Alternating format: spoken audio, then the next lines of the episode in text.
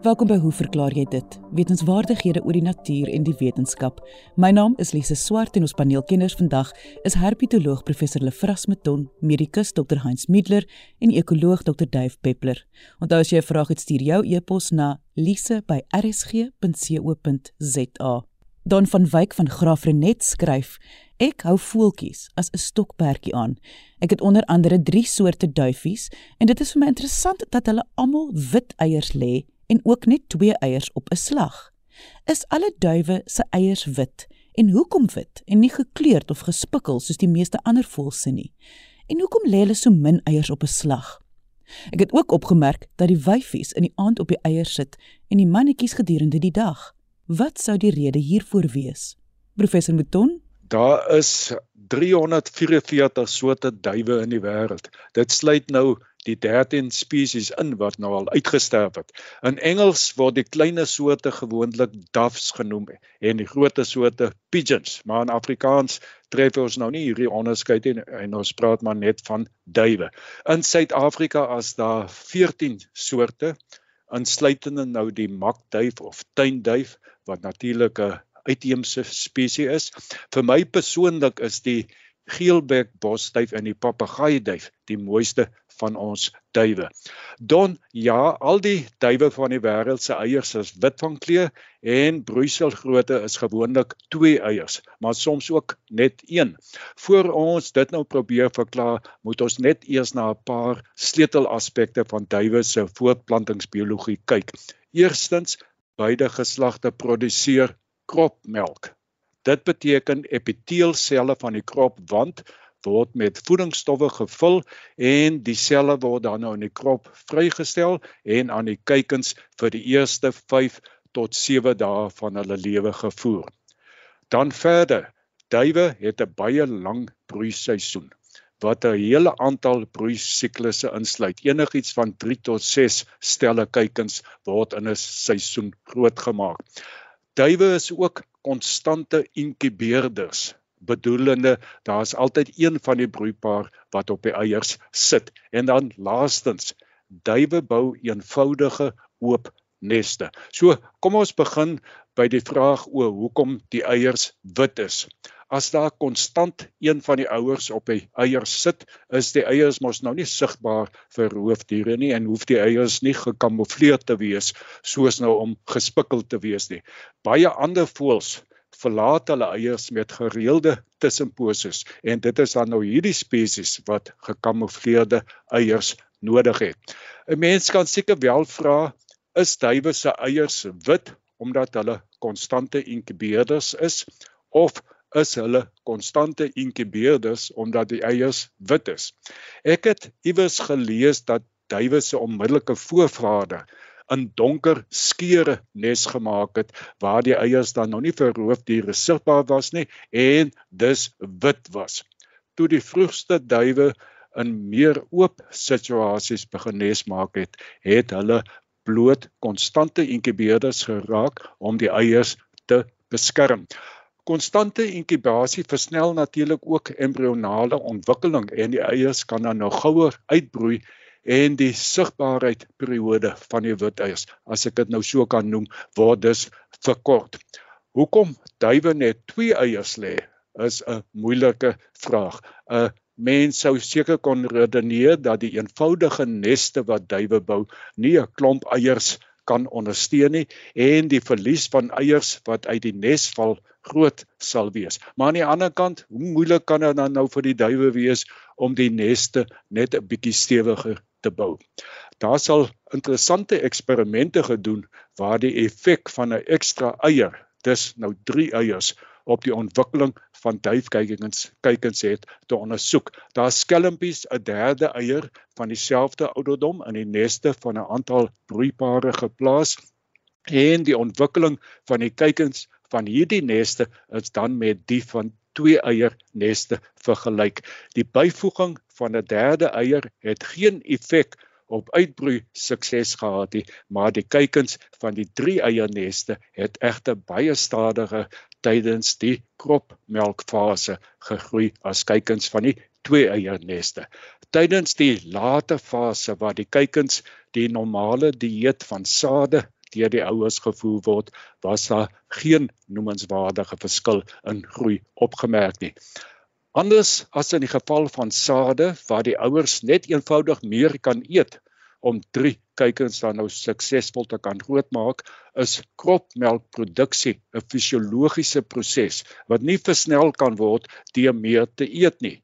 2 kuikens blyk dan nou die optimale getal te wees en dan moet beide ouers dan nou bydra tot die voer van die kuikens. Dit is nou die kroppe, die voer van kropmelk. Die beperking wat kropmelkproduksie op broeisel grootte plaas, affekteer nou nie noodwendig voortplanting voortplanting uitsette nadelig nie. Inteendeel, die hoogs voedsame kropmelk versnel die ontwikkeling van die kuikens aansienlik en uiteindelik kan hulle dan ook vroeër die nes verlaat en dan kan die broeipaar met die volgende siklus begin. Dit is interessant dat die eiers van duwe tot 20% kleiner is as die van ander voëls van gelyke massa. Die hoeveelheid voedingsstowwe in die eier vir die ontwikkelende embrio is dis dan nou baie minder en die eiers broei dus vroeg uit en die kuikens is piepklein by geboorte. Die mannetjie word nou betrek uh, om ook met die voorsiening van kropmelk dan nou te help. Dus die energie drein uh is nou 'n snaakse term wat ek nou gebruik en die energie drein op wyfies uh in die produksie van eiers is dis laer as by ander voëls en hulle kan dus vinnig herstel vir die produksie van die volgende stel eiers.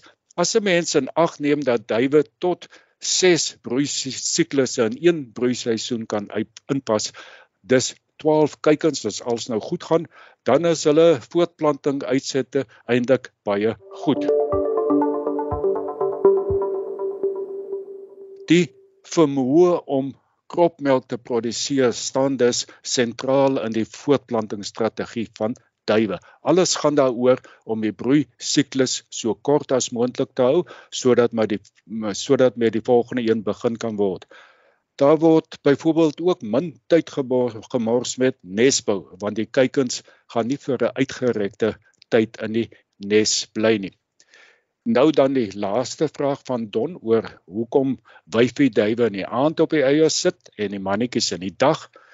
Daar's ongelooflike variasie in die inkubasiegedrag van voëls en dit is in die algemeen baie moeilik om 'n spesies se individuele strategie te probeer verklaar by baie spesies, net soos by duwe dan, sit die wyfie in die aand op die nes en die mannetjie in die dag. By ander weer is dit andersom en broei die mannetjie in die nag en die wyfie in die dag. By nog ander voëls uh los die mannetjie en die wyfie mekaar met kort tussenposes af. By polygame spesies waar een mannetjie met baie wyfies paar maak die individuele wyfies hulle kleintjies al leen groot. Die arme mannetjie kan mos nou nie al die wyfies al al broei nie. In gevalle waar die wyfie of 'n wyfie met meer as een mannetjie paar broei elke mannetjie alleen op die broeisel eiers waarvan hy nou die pa is en maak die kleintjies alleen groot terug na duwe. Ek, spe, ek spekuleer nou net, maar kan dit dalk wees dat wyfies genoegsaam tyd moet kry om goed te kan eet om weer hulle kragte op te bou na die produksie van eiers en ook om voor te berei vir die volgende broei siklus. Soos die meeste voëls is duwe natuurlik dagaktief. Don gee nou elke dag sy voeltjies op vasgestelde tye kos en in sy hok is die beskikbaarheid van kos uh, dis nou nie 'n probleem uh, vir vir die wyfies maar maar aan die natuur is dit natuurlik 'n heel ander storie. Die duwe moet gewoonlik wyd vlieg om kos in die hande te kry. Nou hiervoor het wyfies dan baie tyd in die dag nodig. Mens kan nou vra nou wanneer eet die mannetjies dan? Uh dis daarom nou nie dat die mannetjies al 6 uur in die oggend vir nes nesdiens moet aanmeld nie. Gewoonlik strek die mannetjies se beurt van iewers tussen 9 tot 11 in die oggend tot rondom 4 uur in die middag. So daar's ook genoeg tyd vir hulle om daarom ook te kan eet. Net so terloops neushoringvoëls het die probleem van genoeg kos vir die wyfies op 'n ander manier opgelos. Die wyfie messel haarself saam met die eiers in 'n holte in 'n boom of elders toe en laat net 'n klein gleufie oop waardeur die mannetjie haar dan voer. Wat 'n salige lewe. Don my verduideliking hier is waarskynlik 'n 'n redelike oorvereenvoudiging van die werklikheid. Broeiselgrootte en inkubasiegedrag van voëls is komplekse eienskappe waarvoor daar nie altyd duidelike antwoorde is nie. Jy luister na hoe verklaar jy dit? My naam is Lise Swart. Hoe verklaar jy dit dat sianiet so vinnig mense kan vergiftig? Is die voorstelling in films akkuraat? Medikus Dr Heinz Middler gaan dit vir ons beantwoord. Sianietvergiftiging is 'n interessante vraag want sianiet soos ons weet is 'n dodelike middel en is baie gevaarlik om in te neem.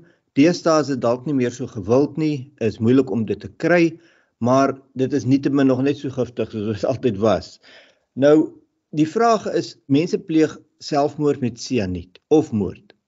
Maar gewoonlik is dit maar spioene in die ou dae ehm um, wat dit in in in 'n kapsule ingesit het en dan wanneer die nood begin druk, hulle word gevange geneem, dan byt hulle dit stikkend en en dan sterf hulle weens vergiftiging. Nou ehm um, so baie van die van die spioene is uitgereik standaard met sianidkapsules en veral ook tydens die Tweede Wêreldoorlog ehm um, is loodse vlieëniers het sianidkapsules gehad. Dat ingeval hulle val en hulle oorleef dit, dan moet hulle die sianidkapsule stikkend byt sodat hulle nie die geheime en hulle moet ook die vliegtuig aan die brand steek en dan jy weet voor hulle gevange geneem word uh, kan hulle dan 'n sianiet-kapsule stikkend byt. Nou die vraag is as jy dit nou in jou mond hou, gaan dit nie sommer net breek nie. Nou dit is 'n baie dik ehm um, wand kapsule. Dis nie so 'n gewone kapsule wat ons nou net mee, jy weet, wat ons by die apteek kry nie, maar is 'n dik rubber plastiek materiaal en die die lumen of die binnekant daarvan is eintlik maar klein want dit het 'n klein bietjie van die sianiet nodig. So dit is onwaarskynlik dat jy dit sommer net gaan stikkend byt en ek weet ook nie of jy dit eers met valstande sal kan stikkend byt want dit is baie sterk omhulsel. So uh, gewoonlik hou jy dit nie altyd in jou mond nie, jy steek dit weg eers soos in jou pakkie sigarette. Weet jy daai ou moet jy nie rook nie want dit is die sianiet-kapsule of jy sit 'n holte in jou hak van jou skoen of wat ook al, maar jy steek dit weg tot jy voel nou gaan jy dit dalk nodig hê. Hou dit dan in jou mond en dan wanneer daar nou nie meer 'n kans vir uitkom is nie, dan byt jy hard.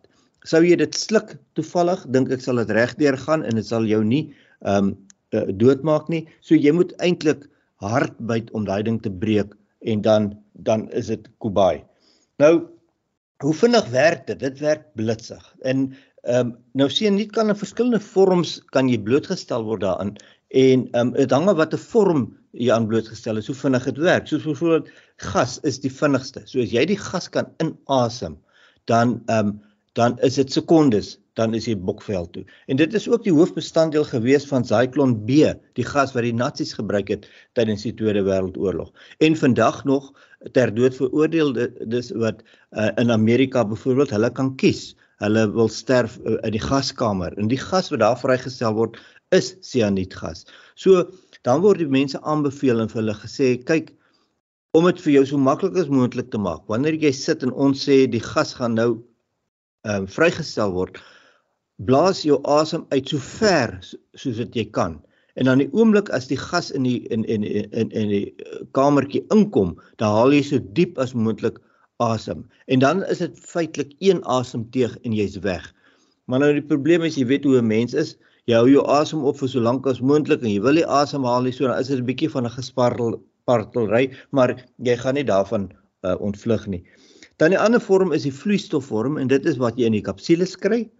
En dit werk ook vinnig. As jy terugdink aan Richard Kuklinski, hy was staan bekend gestaan as die Iceman en die maffia in Amerika het hom gebruik om uh, ongure karakters uit die weg te ruim en hy het letterlik handevol mense doodgemaak en sy gunsteling manier was ehm um, sianiet. So wat hy gedoen het, hy het sianiet poeier gekry, dan het hy dit opgelos in 'n spuitbottel met water en dan sal hy opstap na 'n outo wat hy wil doodmaak wat van voor af kom en dan daai bottel skielik in sy gesig druk en 'n spuit een spuit in sy gesig spuit en daai ou ehm um, het nie lank gehou nie, dan is hy dood. So hoe voel 'n ou wat wat wat net vergiftiging kry? Feitelik dadelik kry jy asemnood. Jy skort vir asem, snag na jou asem, jy kan nie asem kry nie. Jy voel duiselig, jy verloor jou bewussyn, jy kry konvulsies of stype en jy sterf. Hoe dit werk is eintlik baie eenvoudig. Sianiet het 'n ongelooflike hoë affiniteit vir yster, ysteratome. En ysteratome is aanwesig in ons rooi bloedselle en ons hemoglobien en dit uh, is noodsaaklik om suurstof te bind en dit is wat dan die rooi kleur gee in ons bloed. So as jy 'n uh, uh, uh, suurstof gebind het, uh, word dit gegaan na al jou organe en dit is waar dit vrygestel word en waar dit dan gebruik word. Nou die oomblik as jy sianiet het, gebeur dit nie. Die sianiet bind aan die yster, suurstof het nie 'n kans om te bind nie want die affiniteit van sianiet is baie baie hoër en, en dit laat ook nie los nie. So teen die tyd dat uh jy jy nie suurstof kry nie, hoe vinnig sekondes, minute is jy breindood en jou ander organe gaan ook gou daarna serwe. Nou daar is 'n teenmiddel wat jy kan gebruik, dit seker in nitrate, maar uit die aard van die saak kan jy dink jy moet feitelik daai ampulle in jou sak dra en onmiddellik gebruik want jy het nie eintlik veel kans nie. So so prakties gesproke is daar nie eintlik 'n teenmiddel teen sianietvergiftiging nie. En dit was medikus Dr Heinz Midler. Volgende gaan ekoloog Dr Dave Peppler 'n vraag oor uile en die bou van uilhuise in jou tuin beantwoord. Lise, kom ons begin met die karaktersketse van die uile wat in Suid-Afrika se tuine voorkom.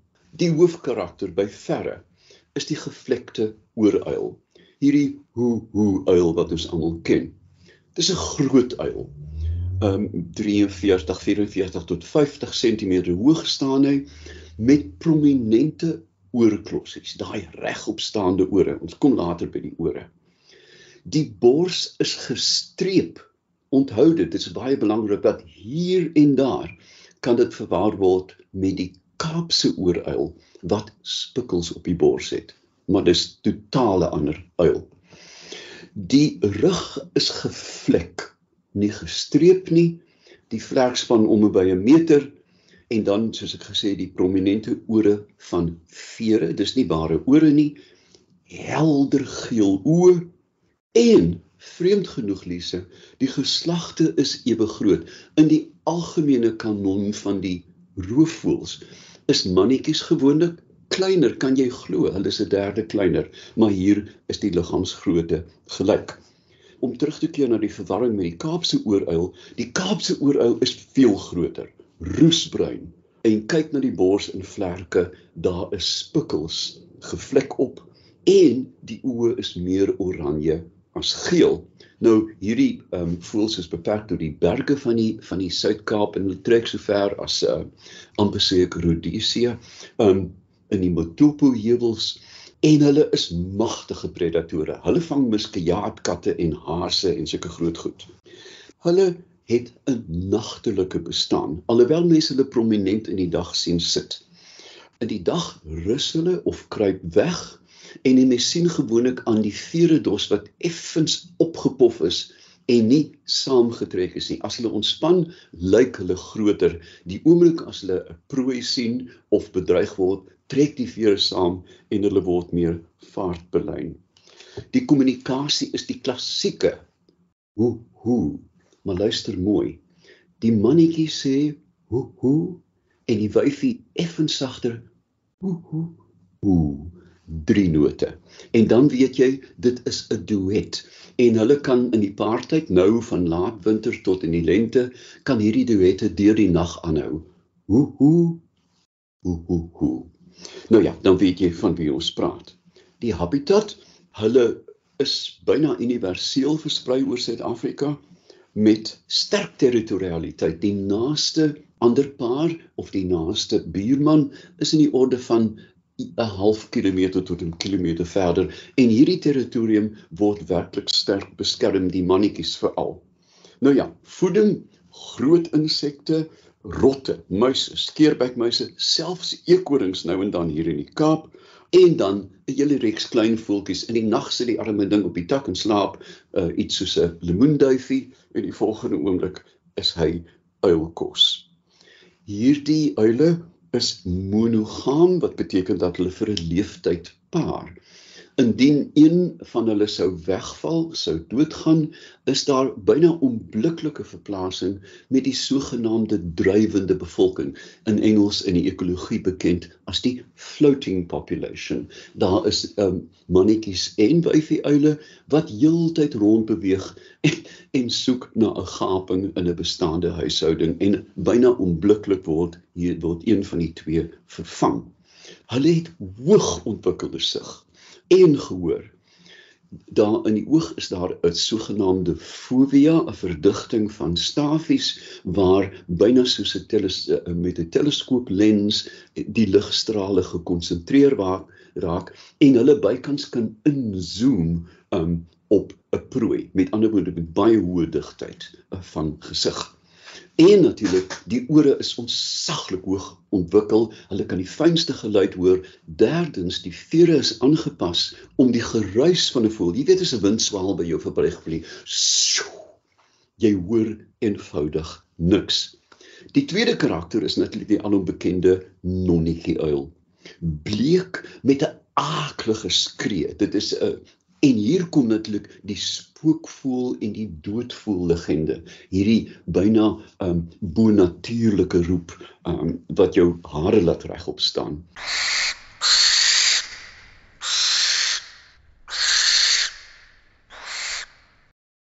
Die liggaam is goudbruin met die pragtige hartvormige gesig. Ons ken daai lieflike twee halftes van die hart omlyn met donker vere en as jy vir jou kyk, is dit 'n hartjie met oë. Nou ja, hier is die twee karakters. Wat doen ons nou met 'n uilhok? Wag, kom ons gaan net terug. Ons gaan nou hier um die breë voedingsbasis.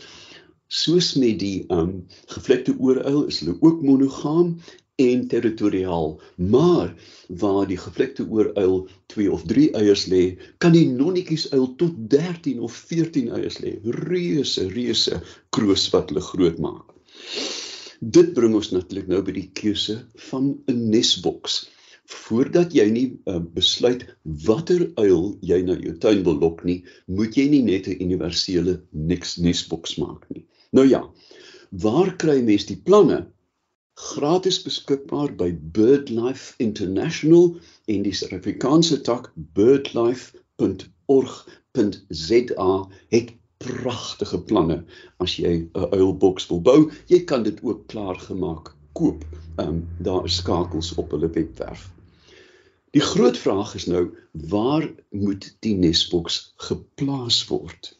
Op 'n stil plek. Jy wil dit nie op jou gewone die gewone kol waar jou keffer staan en blaf vir die buurman se honde hê nie. Stil deel van die tuin.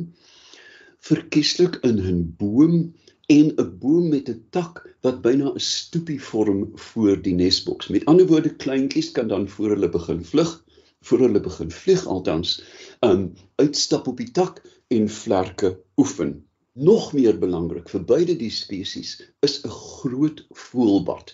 Uile is besonder lief vir om te bad en ehm um, as 'n mens dan naby jou nesboks 'n groot voelbadjie sit, ehm um, maak dit die die hele plek meer aanloklik.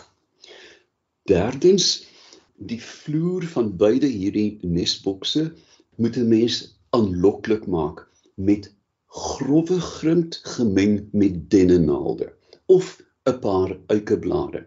Maak 'n interessante vloer van natuurlike vesel en klip. Naby die geplaaste nesboks sit vir jou 'n neer 'n sitplek. Met ander woorde 1 en 'n half meter tot 2 meter hoë paal met 'n T-stuk bo-aan. Uile jag gewoonlik nie vanuit die venster of die deur van hulle huis nie. Hulle sit naby en bekyk die wêreld en as jy dan vir hulle 'n ordentlike sitplek sit, maak dit die hele plek meer aantreklik. Verminder tuinligte waar hierdie nesboks is. Hulle alhoewel hulle in strate met tuinligte jag na rotte, wil jy nie te veel lig naby die nes hê nie. En dan bovenal in jou tuin vermy knaagdiergif. Ons weet presies waar die gif opeindig en dit is natuurlik in die maag en die gebeendere van jou uil. Lees hierdie webwerf van um BirdLife uh, South Africa deeglik Maak jou plan, besluit watter uil jy wil lok en gaan dan voort. Lok 'n uil na jou werf en jy plaagbeheer, drama en 'n lewenslange biologieles. Ek sê baie dankie aan ons kenners en vraagstellers vandag. Onthou om altyd nuuskierig te bly en vra te vra tot volgende week hier op RSG saam met my Lise Swart. Totsiens.